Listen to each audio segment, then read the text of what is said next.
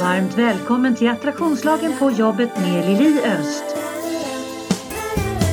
Podden där vi pratar personlig utveckling på ett helt nytt sätt.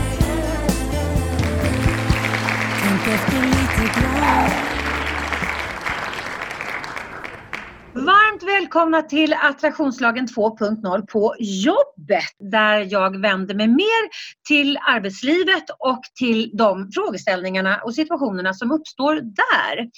Och idag har jag en extremt prominent person i eh, podden som gäst. Jag är så himla glad. Hon är doktor i management och komplexitet. Hon är PhD från University of Hertfordshire och hon har en bakgrund inom juridik och pedagogik.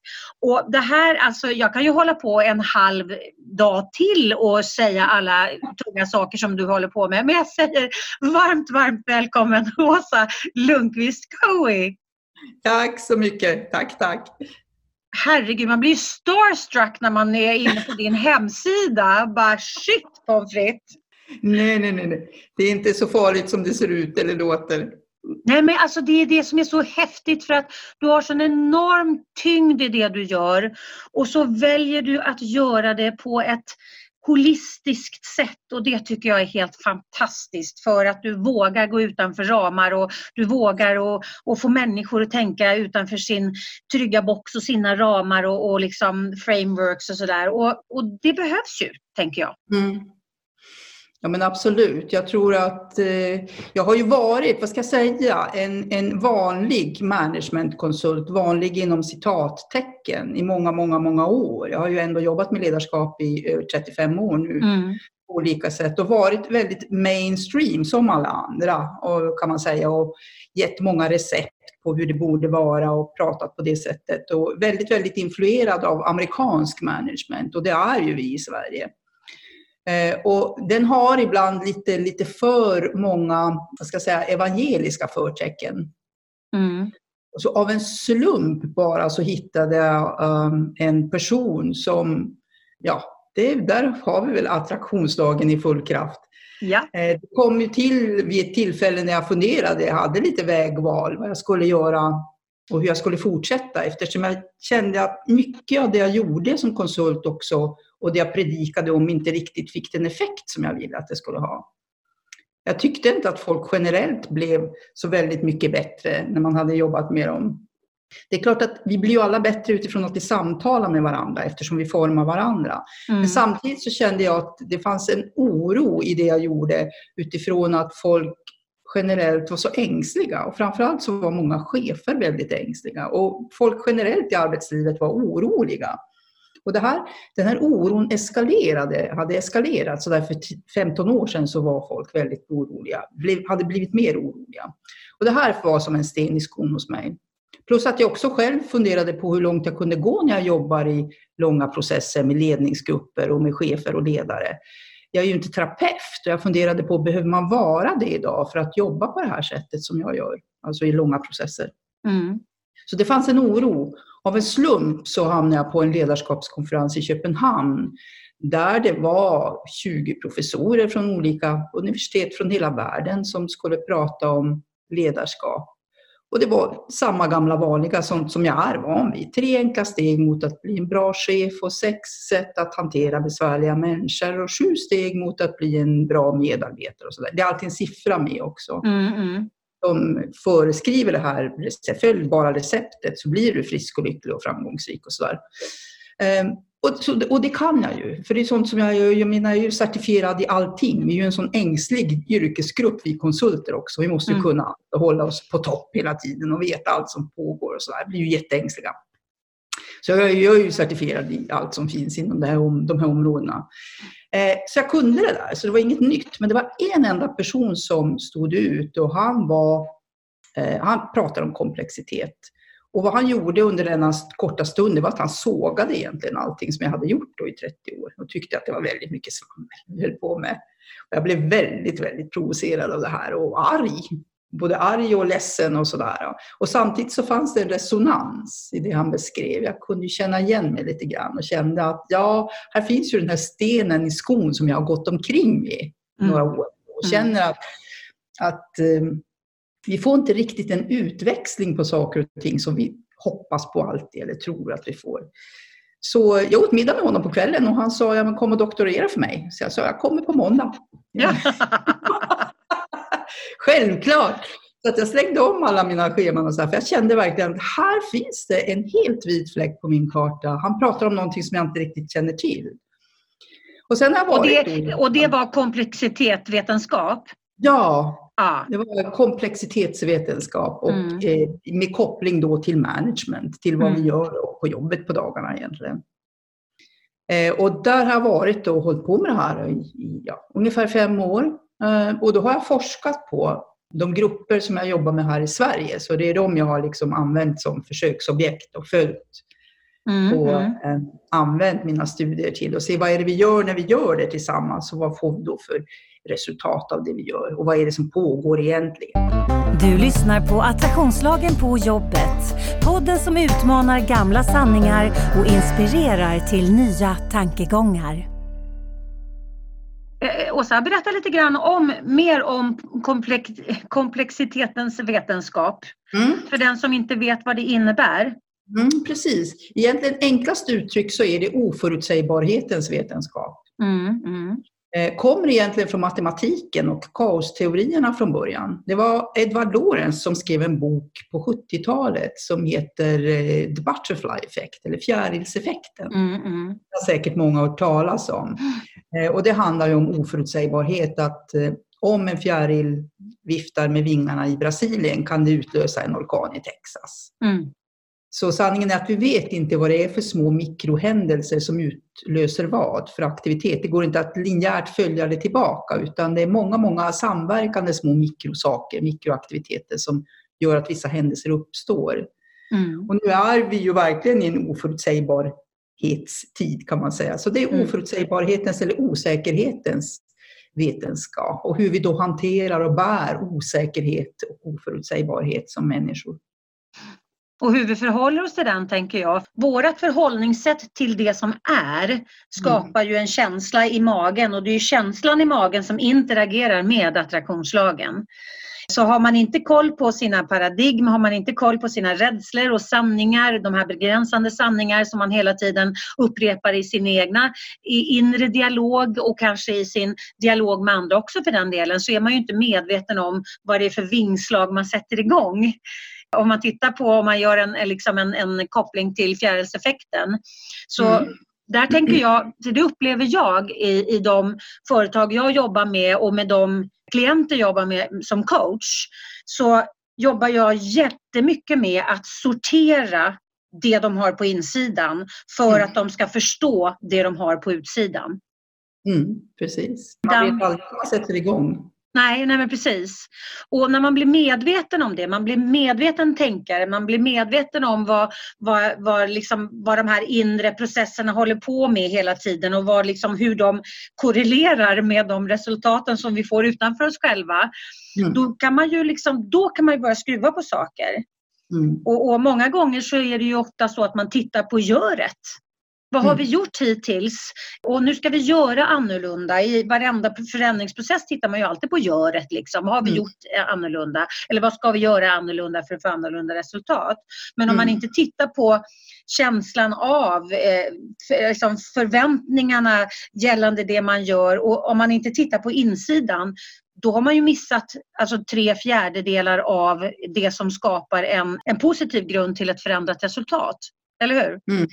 Precis, jag tror, eh, alltså det är viktigt det här, tror jag också, det du så var inne på, att just det här att vi inte vet vad som får vilka effekter. Mm. Det är också viktigt att komma ihåg, eh, för att peta in en pinne i brasen, att, att, att vi kan ha väldigt goda intentioner med det vi gör, men det kan gå ändå käpprätt åt helvete. Mm. Eftersom det inte går att förutsäga vad som blir vad, vad det är som orsakar vad, samtidigt som till synes väldigt dåliga händelser kan ha väldigt bra effekter på sikt. Mm vi vet inte om det blir bra eller dåligt, utan det beror på vem som bedömer det här på sikt. Vem som kommer att vara bedömare av det. Mm. Om det här var bra eller dåligt, eller rätt eller fel. Det är därför vi inte riktigt har koll på vad som uppstår. Det första jag fick egentligen lära mig när jag började med det här, det var att ta min erfarenhet på allvar mer. Mm. Och med det menar jag, för vad jag har studerat speciellt, det är något som kallas för komplexa interaktioner. Och det är det mest komplexa som finns. Och det vill säga, det är egentligen relationer. Mm. Eh, för det är ju vi, alltså, allt skulle fungera om inte folk fanns. Det är ju vi som är mäktiga. Liksom. Vi, vi, ställer till allt möjligt omkring oss och man vet ja. aldrig vad det blir. Folk inblandade. Annars skulle alla snygga system, som jag brukar skoja om att strategier är fantasier. Eh, så om man åker iväg och har en hel dag med strategiarbete, kanske med sin grupp, så åker man faktiskt iväg och fantiserar en hel dag. Och syftet, syftet med att göra det, det är ju för att hantera vår, vår existentiella, för att hantera vår ångest, i vår mm. gemensamma ångest. Så det är en sorts, av, en sorts ångestdämpande åtgärder som man måste göra som chef för att vi ska kunna och orka hålla vår ångest i schack inför det oförutsägbara. Det är därför mm. vi planerar förstås också och försöker ha strategier för att, för att dämpa ångest, ångestdämpande mm. åtgärder. Så det finns ju en anledning till det.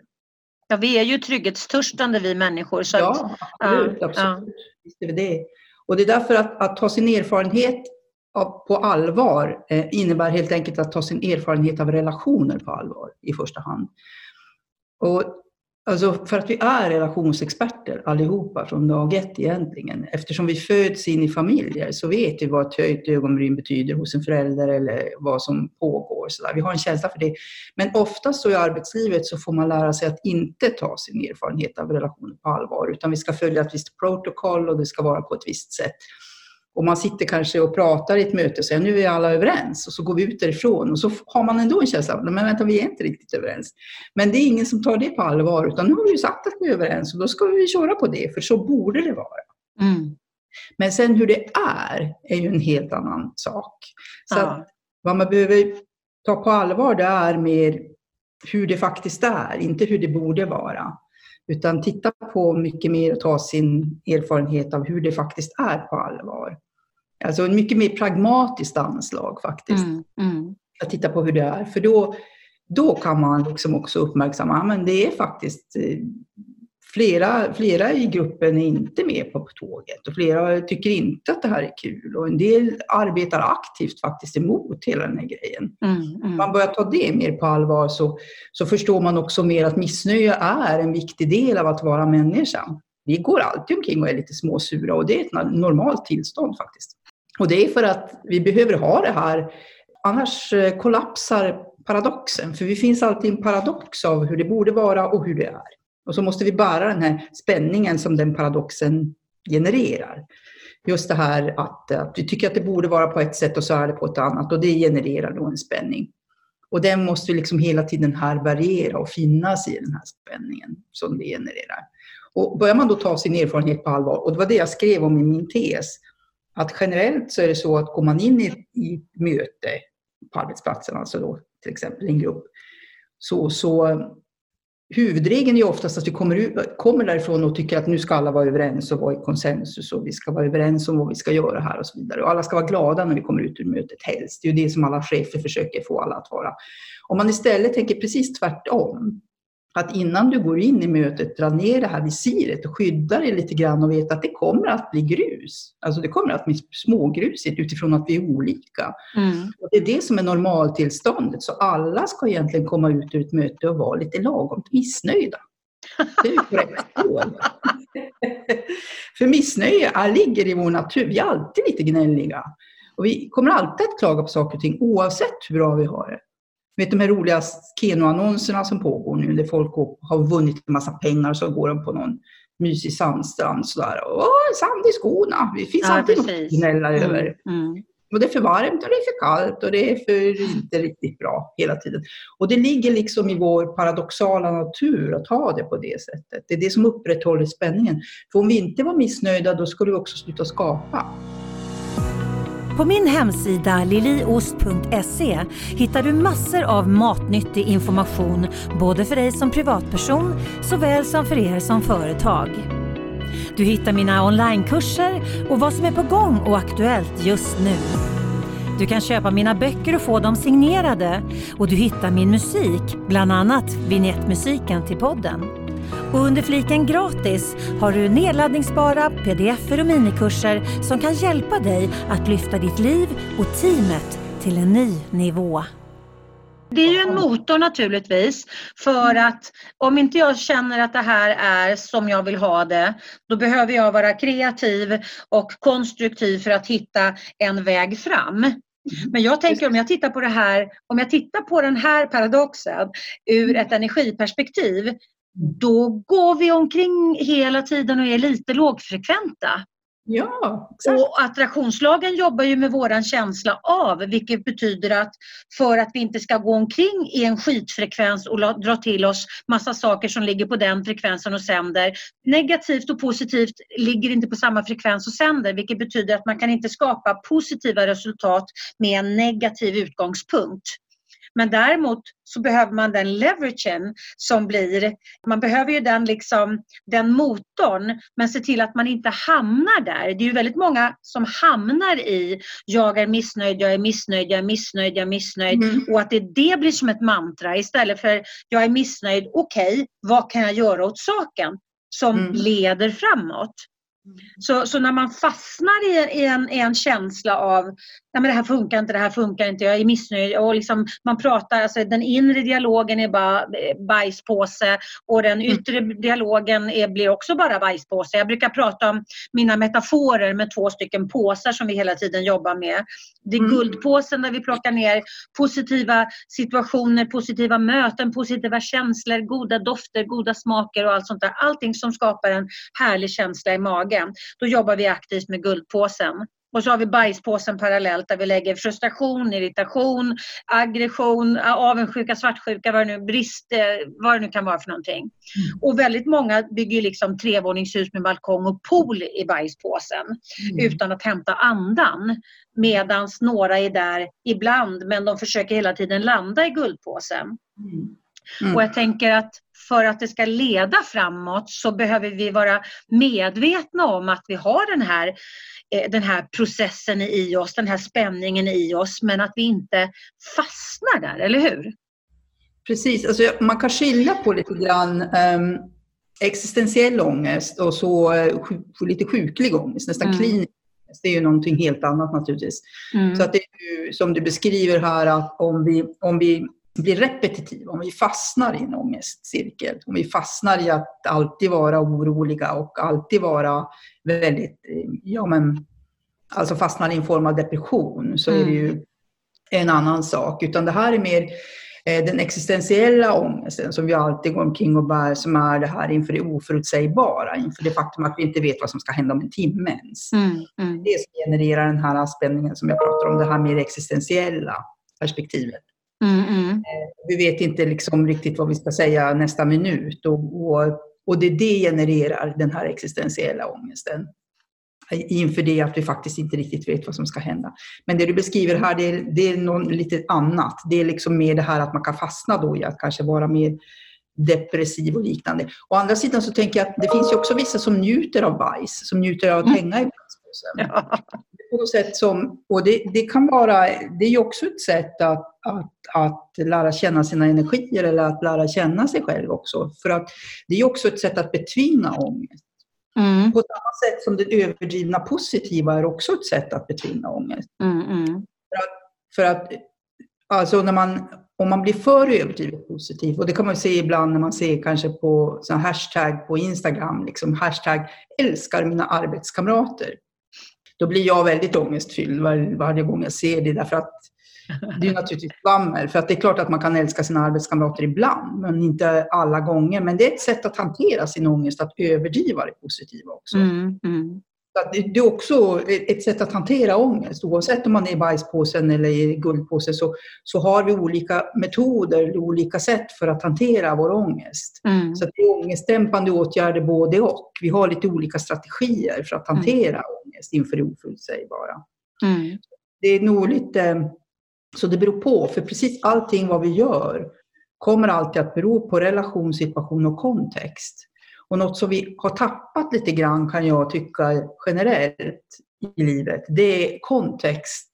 Att Mm. förstå att allt finns i ett sammanhang. Mm, mm. Att vi formar varandra. Du kan, liksom, du kan inte göra någonting själv. Vi har lite för mycket fokus ibland på, på folk som, som individer. Att man ska sitta hemma och lära sig att tänka rätt vet, och träna rätt och alltihopa sånt där. Men tänkande är någonting som uppstår socialt. Du formas av andra människor samtidigt som du formar dem. Där finns paradoxen. Mm, mm.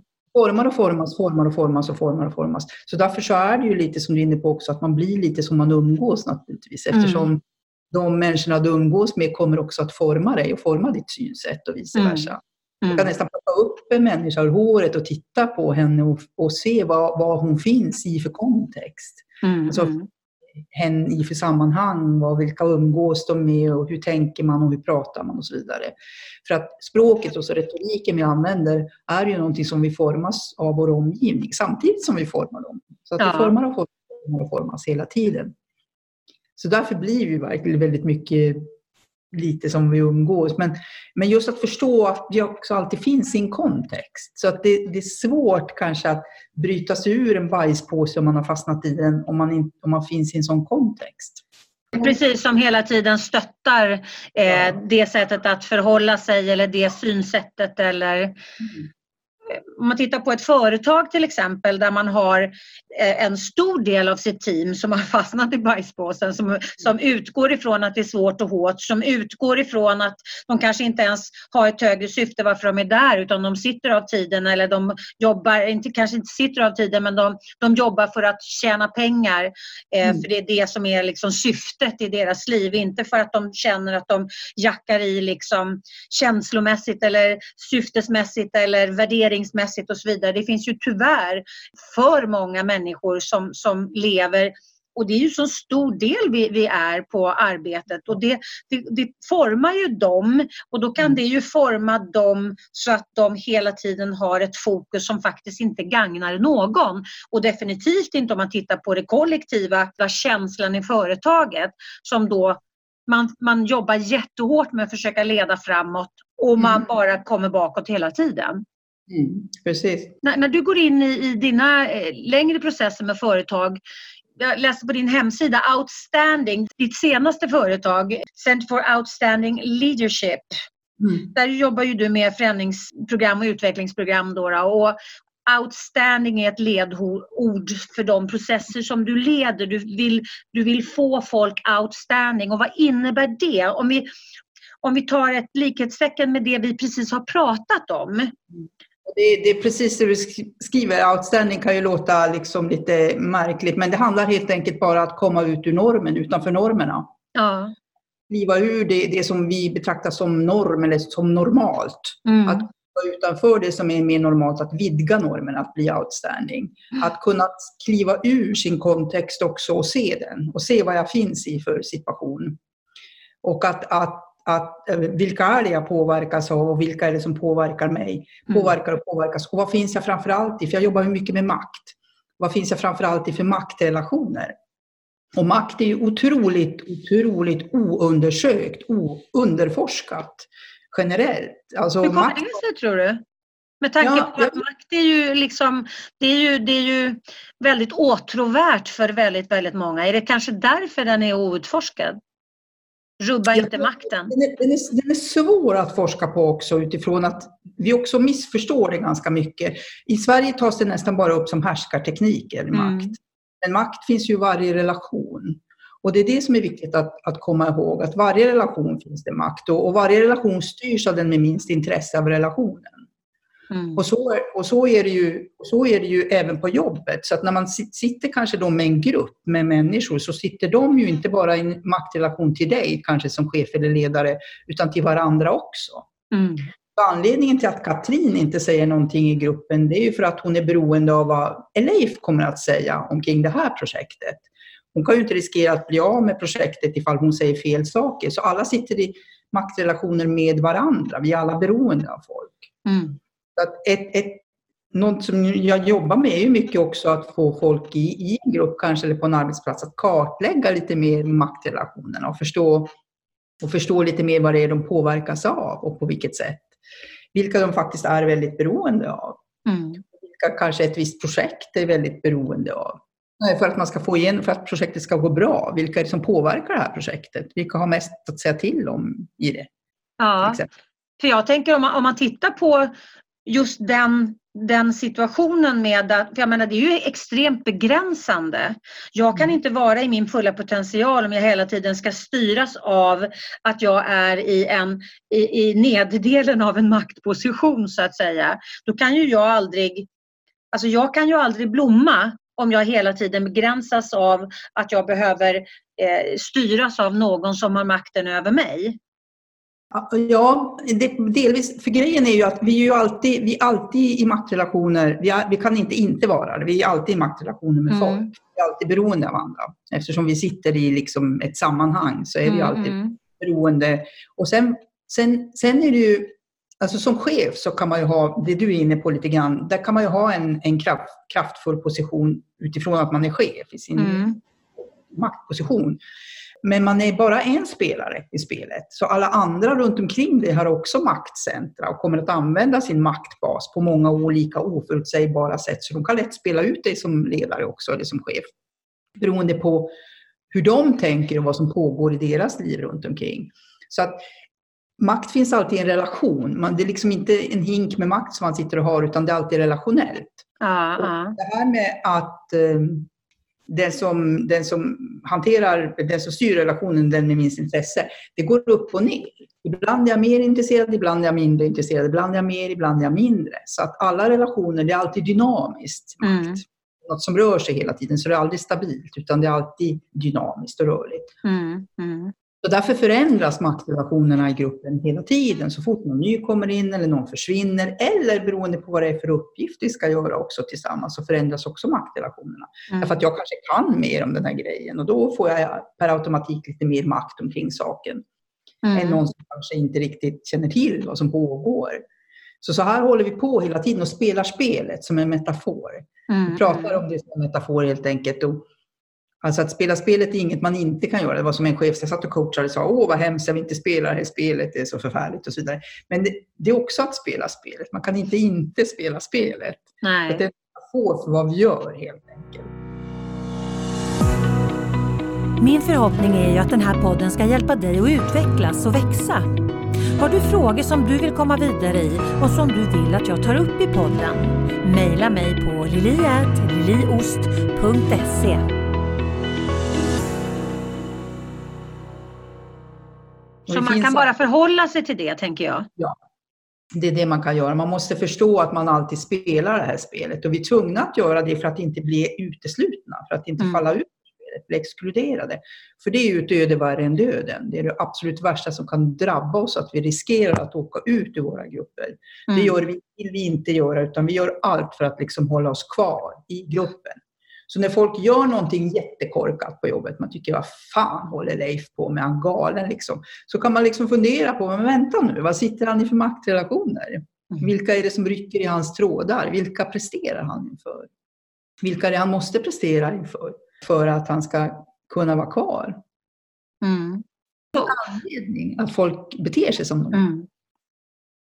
Och det, det har vi väldigt låg medvetenhet om. Vi ser inte så ut, utan vi tycker bara Leif är korkad. Liksom. Och han borde göra på något annat sätt än vad han gör. Ja. Och det är där man behöver liksom uppmärksamma vad vi gör i varje stund egentligen. Därför att det är ur vad vi gör som etik och värderingar uppstår. Inte det vi borde göra, utan vad vi faktiskt gör Mm. som etiken uppstår. Därför behöver man liksom uppmärksamma mikroaktiviteter, små, små, små saker som vi gör. Det är det som etik uppstår. Och och världen egentligen uppstår av vad vi gör, inte vad vi borde göra. Nej, och, vad, eh, och det är otroligt intressant för att det, det öppnar ju helt nya världar tänker jag när man blir medveten om saker ur ett nytt perspektiv. Det, det, jag får ju eh, fantastiskt spännande effekter med mina klienter när jag, när jag liksom zoomar ut och Mm. visar det här är också verkligheten. Mm. Den ser inte bara ut så här utan om man tittar på den från det här hållet då ser man de här prylarna och bara shit, oj! När jag ställde mig på det här berget så såg jag väldigt mycket längre. Men vi, vi, vi har liksom inte övat så mycket på att kliva upp på en stol och titta på livet. Lite till mans tänker jag.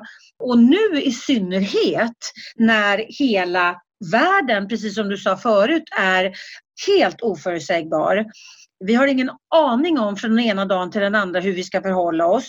Och, och vi har ingen aning om eh, hur tryggt det är framåt. Vi behöver tänka på helt andra sätt för att kunna förhålla oss och så vidare. Men om vi fortfarande förhåller oss som vi brukar göra när vi har på oss liksom våran gröna hatt och så helt plötsligt är den här gröna hatten borta och nu har vi fått en gul eh, kula att ha på huvudet istället. Hur fan förhåller jag mig till det här?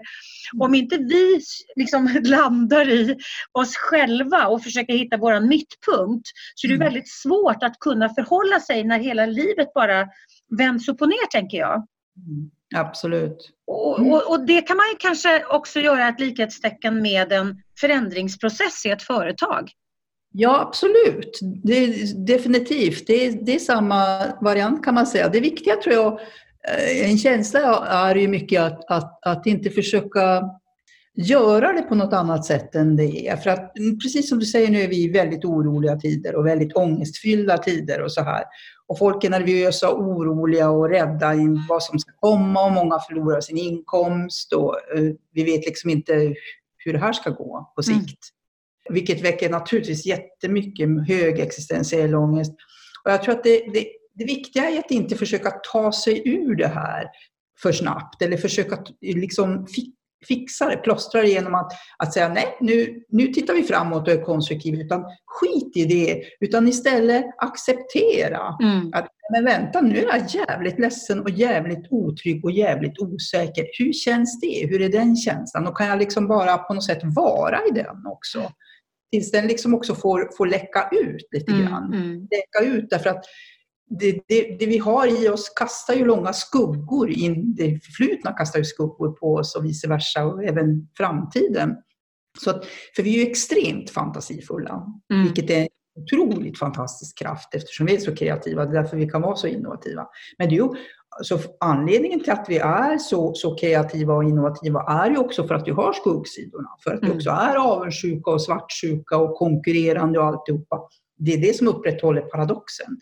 Så att, att också landa lite mer i det och inte försöka vara generellt sur. Jag tycker man ska vara sur generellt. Det är jättekul att vara sur. Jag älskar att vara sur. Det är det som är så roligt. Jag är egentligen en riktig surtant. och älskar att vara det på något sätt. Jag är inte alls särskilt positivt lagd egentligen. Men jag är väldigt, väldigt optimistisk vad det gäller folks förmåga att hantera sig själva och så här. Jag tror att vi har, vi har så otroligt många fantastiska dimensioner och vi behöver liksom inte, vi behöver inte försöka konstruera positivitet. Man ska, behöver inte vara positiv eller negativ. Det är inget, inget varken eller. Så det här med att tänka positivt eller tänka negativt behöver man inte göra något av, utan bara låt det vara som det är. För att då, då har du inte det kravet på dig att liksom, nej men nu måste jag liksom kamma till mig och liksom börja vara mer konstruktiv och så vidare. Det blir en väldig ångest, ångestdé eh, som kan leda liksom fullständigt snett. Mm. Att inte liksom, utan att ta, ta sig själv på allvar och ta dina tjänster på allvar. Att nu är jag jävligt ledsen och jävligt deprimerad inför vad som kanske kommer att hända. Och så göra något, precis som du sa, någonting, eftersom vi är fysiska också, att göra mm. någonting fysiskt. Gå ut och gå för fan. Alltså att gå ut och röra på sig, därför att vi förändrar ju våra mentala tillstånd väldigt snabbt genom att mm. gå. Mm, mm. En av böcker heter ju Varför spelar folk golf? Den handlar ju inte alls om golf, utan den handlar ju om att så fort vi, vi, har vissa fysiska aktiviteter så förändrar vi också hela vår kemi. Alltså vi är ju en enda stor kemisk soppa, det är ju det som folk är. Ja, men precis. Bara, ja. precis. Så varenda grej vi gör har ju en effekt på allting annat. Så när mm. man har fastnat i vissa mentala tillstånd så är det jättebra att, precis som du var inne på, att gå ut och promenera, att röra på sig och så här. Så ändrar vi oss ganska snabbt. Vi är ganska enkla. Vi är inte så komplexa som man tror. Vi är rätt enkla själar. Utan vi behöver ganska lite liksom att någon bara kittlar oss, du vet, så kan vi komma ut ur ett tillstånd eller att leka med en katt eller mm. någonting annat. Det handlar ju om en pattern interruption. Det handlar ju om att man bryter mönster och sen så fokar åt ett annat håll. Jag tänker just golfen är ju, man, hjärnan kan ju bara syssla med en sak samtidigt. Så ja. vi kan ju inte hålla på och älta saker samtidigt som vi ska vara fokuserade på var vi ska sätta bollen. Så det blir ju en, en mönsterbrytning på ett väldigt positivt mm. eller liksom ett neutralt sätt skulle jag säga. Ja. För positivt och negativt liknar ju inte varandra så att du kan inte gå från en, en negativ känsla till en positiv känsla i ett steg. Mm. Utan du måste ju landa i någonstans en, en neutral eh, värld. Sen behöver inte mm. det ta 14 dagar men du behöver ändå landa där för att vända liksom, the tipping point och komma över i en annan riktning. Men om jag mm. tittar på om jag tittar på det du just sa med att du gillar att vara sur. Om jag mm. tittar på det ur ett energiperspektiv. Du är glad ska jag kanske säga. Det är en paradox. Gladsur. Ja, men precis. Ja, men jag tänker ändå, om man tittar på det ur ett energiperspektiv så tänker jag minsta motstånd. Mm. Och är man förbannad, då är det minsta motståndet att vara förbannad. Mm. Är du ledsen så är det minsta motståndet att vara ledsen. Det finns väl ingenting som gör så ont fysiskt som att försöka hålla tillbaks gråt. Mm till exempel. Men det handlar ju också om att inte bygga bo där utan att känna känslan. Och, inte, du, du har säkert koll på eh, David R. Hawkins eh, Map of Consciousness. Alltså skam och skuld, irritation och frustration och allting, det ligger ju, alltså skam och skuld ligger ju längst ner i hans eh, skala. Men irritation, frustration, aggression och så vidare, det ligger ju under 200. Så bara att gå upp i acceptans gör ju att du har höjt upp dig i frekvens, du har höjt upp dig i känsla, bara att du accepterar, ja, nu är jag ledsen, nu är det mm. så här. Nu känner jag den här känslan för att det är mindre motstånd i att känna känslan än att försöka vara prutthurtig fast du känner i magen bara äh, så här. Mm, absolut. Men, eh, ju mer, jag tänker ju mer man lär sig om sig själv mm. och sina egna tillstånd Mm. Ju mer kan vi ju hjälpa oss själva att vara i minsta motstånd. Mm, precis. Men där har, du, där har vi ett problem på sätt och vis. Eller inte ett problem, men där har vi en, en utmaning skulle man kunna säga. Därför att kontexten i Sverige, i svenskt arbetsliv som vi lever i, är väldigt positiv. Mm. Och därmed, därmed kan du liksom inte kritisera saker och ting. Du kan inte komma med andra saker och säga någonting som, nej, jag vet inte om jag liksom, det här stämmer för mig eller om jag håller med om det. Därför att då måste du alltid vara också konstruktiv. För positivitet och konstruktivitet hänger ju samman. Mm. Så du kan liksom inte säga, jag håller inte med om det. Ja, säger alla, ja men kom med något bättre själv då. Vad har du att komma med? Du måste komma med något bättre på en mm. gång. Eller något, du måste vara konstruktiv. Så du kan aldrig kritisera utan att vara konstruktiv. Och det är viktigt också att förstå att det är en sån kontext det finns i svenskt arbetsliv. Så att det är därför vi har svårt ibland att ta upp eh, och visa våra motstånd och visa att nej, men jag vet inte riktigt om det där känns okej okay, eller sådär. Eh, därför, att, därför att det blir alltid ogiltigt förklarat snabbt och i en grupp. Nej, men nu får du faktiskt vara lite mer konstruktiv. Du kan inte bara säga att det är dåligt, utan du måste säga hur ska det i så fall bli bättre? Mm. Där är ju inte folk så genomtänkta, vi är ju inte det på det sättet. Så därför blir det ju väldigt mycket att, att många censurerar. Eh, istället och ser ut som om de passar in istället och säger ja men det blir säkert bra eller någonting sånt. Och då vi... blir man ju bajspåse. Då, då, ja. alltså, då är det ju verkligen motstånd. Ja. För då känner du ju hela ditt inre liksom att det här är inte som det, det här känns inte bra. Nej, men det är så jag använder min makt. Jag kommer att använda min makt på det sättet. Mm. Om om sammanhanget inte tillåter mig, om formen inte tillåter mig att, att ge uttryck för vad jag upplever, så kommer jag att använda min makt genom att bara eh, se ut som, se ut som jag köper det som sägs. Mm, det blir nog bra. Och så går jag därifrån. Pip, pip, pip, pip. Ja, precis. Gör något helt annat och jobbar ja. kanske direkt emot istället. Då kommer jag att använda min makt. Om, om sammanhanget inte, formen inte finns där som gör att jag har den tryggheten att jag vågar opponera mig eller vågar liksom säga vad jag faktiskt upplever. Behöver du hjälp att sortera i ditt liv? Läs mer på liliost.se.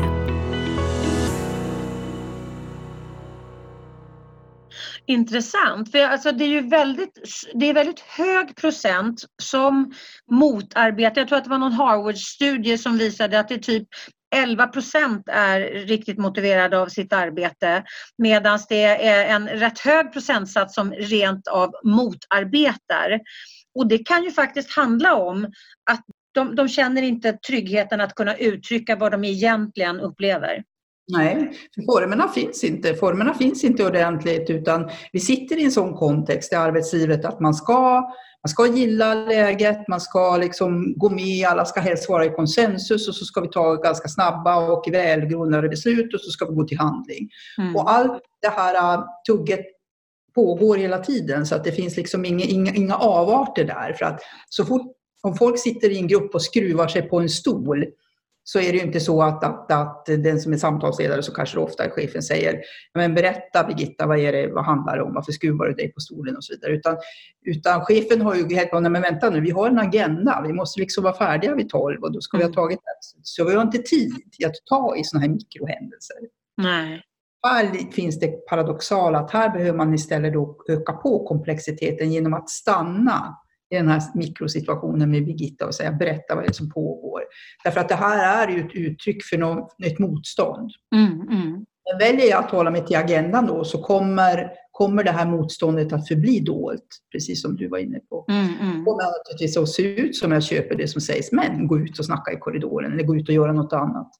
Sen tror inte jag att så här sättet vi arbetar på, och det är också ett samtal som vi skulle behöva ta nu egentligen, eh, med tanke på det, allt som pågår. Vad är vitsen med arbete överhuvudtaget? Jag menar, det är inget, jag är inte alls förvånad över de här siffrorna, att folk inte gillar sitt jobb. Fast, mm.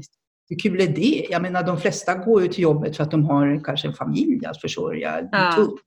att betala räkningar. Då säger ju alla, ja men det är bara du ställer upp på våra värderingar som gäller här i företaget och gör du inte det så kan du söka dig någon annanstans. Mm. Ja, hur verkligt val är det om jag är ensamstående med två barn? Mm, precis. Väldigt mycket svammel som pågår i det här mm. värderingsarbetena som vi håller på och svamlar på omkring. Jo, men det är många gånger värdeord. värdeord. Ja, vad har vi för värdeord i företaget? Ja, vänta, jag måste bara se. Det finns här i någon perm. Man lever inte värdegrunden och dessvärre så är det väldigt många människor som inte har koll på sin egen värdegrund heller och då vet man inte heller om den sliter med företagets värdegrund som man inte heller vet vad det är. Nej, precis. För alla, vi har ju alla värderingar redan. Vi har mm när vi kommer in på en arbetsplats så har vi redan värderingar. Sen allt det övriga som är konstruerat då i ett företag, alltså det är inget fel på att ha samtal omkring värderingar i en organisation. Det kan man absolut ha, vad vi menar, men då måste man alltid utgå från specifika situationer och hur man tolkar mm. dem och vad som liksom då är mest kanske hjälpsamt för att komma ja, vidare. Men precis.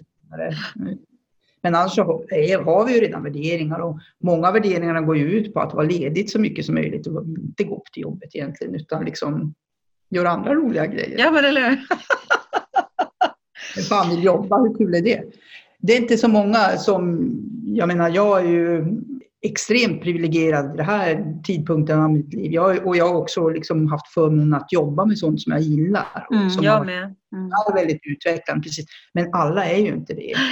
Många har ju liksom eh, undrar vad vitsen med arbete är. Mm, mm egentligen. Och det, det samtalet, och det måste vi också, behöver vi också förstå, att folk har olika mm. behov av jobb och olika anledningar till det. Så det är klart att de inte trivs på jobbet. Utan, men de måste ju se ut, de måste smöra och lirka och fjäska. För att se ut som de gillar jobbet, för de vet ju att annars så har de ju faktiskt ingenting att leva på. Nej, och där tänker jag, där återgår vi till, till, tillbaka till hur förhåller jag mig? Ja, okej. Okay. Jag har ett jobb som jag inte är nöjd med, som jag inte egentligen trivs på. Men hur ska jag förhålla mig till det här på ett sätt som ger mig den minst sämsta känslan i magen så att jag inte går omkring liksom och lever mitt liv hela tiden i bajspåse. För att jag menar, då sår jag skit i mitt eget liv men jag sår inte speciellt happy-go-lucky energi runt mig själv heller. Och jag blir inte en bästa ambassadör för företaget och jag blir inte så produktiv som jag kan vara heller. Så att jag tänker att vi behöver någonstans approchera de mjuka värdena i människor i företagen mer och mer så att vi blir medvetna om det här. Mm. Bli medvetna tänkare. Fan vad vi skulle kunna levla upp om vi blev mer medvetna tänkare. Ja, och jag tror, och framförallt så är det ju, alltså grejen är ju också så, om jag faller in i det tillståndet som du beskrev, så ingen vill vara med mig då. Mm. Ingen som vill vara med mig till slut om jag liksom är på det sättet. Och det är ju där finns det ju också naturligtvis andra undersökningar som visar att de flesta går till jobbet för sina arbetskamraters skull. Mm, mm. Det som håller oss, alltså de sociala kontakterna, det är ju det mm. vi vill ha. Det är det som är roligt med jobbet att gå. Alltså det är ju arbetskamraterna vi saknar mm. när vi inte går till jobbet. Inte själva jobbet i sig är väl liksom sisådär om man inte nu håller på med forskning eller andra kul grejer. Så är det ju så att jobbet är ju något som man måste göra med kamraterna i A och mm. O där, det är ju sociala sammanhang, relationer som är det mest centrala i vårt liv. Så, och så därför är ju det viktigt. Ja, ja. därför är det superviktigt och framförallt tänker jag som ledare att verkligen se till att man har ett team som verkligen trivs med varandra. För där får vi ju en, en katalysator, tänker jag, som leder oss i rätt riktning. Mm. Mm. Sen kan ju då en chef bara i begränsad omfattning se till att gruppen gillar varandra, utan det är ju gruppen som avgör mm. om de gillar varandra eftersom mm. alla är maktrelationer med varandra. Och så mm. formas vi av gruppen och formar dem samtidigt. Formar och mm. formas, formar och formas, påverkar och påverkas hela tiden. Så vad som uppstår, det var ju det som det här lite intressanta Google-projektet, kanske har hört talas om det här? Aristoteles. Nej. Man gjorde ju, det är några år sedan, man gjorde tillsammans med Yale University en, en, projekt omkring det, vad var som gjorde att vissa team funkar bättre än andra. Och det var på Google. Och man tog hänsyn då i denna forskning till eh, har de jobbat länge tillsammans, eh, till eh, kön, till genus, till åldrar, till erfarenhet, till precis allting man kunde komma på i sammansättningen av teamen. Vad är det som gör att vissa team funkar bra och andra inte funkar bra? Mm. Försökte, det här var en studie som pågick över två år och slutsatsen av detta var att man vet inte faktiskt vad det är som gör funkar bra och andra inte. Det är den här oförutsägbarheten igen. Därför att det beror på relation, situation och kontext, alltid ja. hur vi kommer att bete oss och vad som uppstår av det. En hypotes blev dock eh, det här som har pratat om lite tidigare från början här, med psykologisk trygghet. Att om man mm. känner sig psykologiskt trygg så kanske det är så att man också um, ja, men mår bättre och att relationerna är bättre i gruppen och så vidare. Mm, mm. Men det är en hypotes fortfarande. Det är väldigt svårt att veta vad det är som gör att det blir en välfungerande grupp. Och det finns ingen som kan skapa det medvetet. Det går inte att skapa det, utan det är något som uppstår. Ja. Av alla relationer som, som finns i gruppen. Så vi kan liksom inte kontrollera det. Nej. Kan vi kan ge de bästa förutsättningarna. Ja. Och då är det det här med former. Att man kan ja. ge former möjlighet att träffas och mm. eh, liksom, eh, mötesforum forum för att kunna prata om saker och ting som kanske är viktiga i arbetet, inte bara om precis eh, eh kunskapsrelaterade Nej. utan också alltså, hur funkar vi tillsammans och när blir vi arga på varandra och på vilket sätt och vad är det som händer då? Är det alltid, vilka är det som snackar mest i gruppen och vilka pratar mindre och hur, hur, hur ser det ut hos oss och varför är det på det sättet och så vidare. Och vad har det för effekt? Gör det mm. någonting om någon aldrig säger någonting eller, eller blir vi andra osäkra då när Britt aldrig säger någonting eller när Claes tar över ordet jämt och så vidare. Alltså att prata mer om själva relationen. Mm, dynamiken i relationen. Ja. Åsa, tiden flyger när man har det trevligt. Time flies when you have a ball. Men du, eh, om vi ska lämna lyssnarna med ett, eh, ett, ett, härligt, eh, ett härligt tips. Vad är det du skulle vilja ge iväg ifrån eh, det här samtalet och liksom eh, något värdefullt som de kan ta med sig och ta in? Oj, ja, men jag tror att i dessa tider som är så pass eh, ängsliga. Många är ängsliga och oroliga just nu. Och, ja, men var det då. Ta din känsla på allvar, tycker jag. Ta din erfarenhet av relationer på allvar och din känsla på allvar. Alltså, mm. Tänk inte, men gud vad jag är dum, nu borde jag vara mer positiv och mer konstruktiv och liksom ta mig själv i kragen och allting. Nej, men herregud, skit i det, ligg i soffan och ät dina praliner. En vacker dag så kom så blir det tråkigt och du kliver upp. Vill du ha liksom en snabb, en snabb hiss så, så tänker jag lite grann på ditt råd där. Ut och gå. Mm. Ut och rör på dig. Att liksom, tänk på att du är fysisk. Mm. Eh, Gör en pattern interruption. Ja, yep. exakt. Ja. Gör något annat. Gör något annat. För att det ja. får dig ur den här, eh, det här vi kan fastna i, ur den här zonen. Så gör mm, något mm, annat. Mm. Titta på roliga klipp Ja men precis.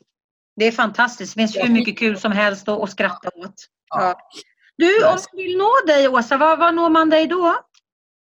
Man når mig bara på asa.cfol.se eller jag finns, på, jag finns som komplexitetsdoktorn på Instagram och på, finns på Fejan och på LinkedIn också bara som Åsa Lundqvist KI. Så det är bara att connecta. Jättekul. Perfekt. Stort varmt tack för att du ville förgylla min podd med dina klokskaper. Det var ett jättehärligt samtal. Jag hoppas verkligen du där ute fick med dig någonting riktigt värdefullt av mitt och Åsas samtal här idag. Och är det så att du vill lyssna på eh, Attraktionslagen 2.0 som mer handlar om personliga saker så, så sänds ju den podden då på onsdagar. Och jag hoppas verkligen att jag får eh, få dig tillbaka till podden Åsa, för jag tror nog att vi kan hitta ungefär 750 3000 andra samtal som vi kan ha. ja, verkligen. Stort varmt tack. Tack själv. Tack så mycket. Ha det bra. Hej då! Hej då! Du har lyssnat på podden Attraktionslagen på jobbet. Podden som utmanar gamla sanningar och inspirerar till nya tankegångar. Tänk efter lite grann. Hur har du det omkring dig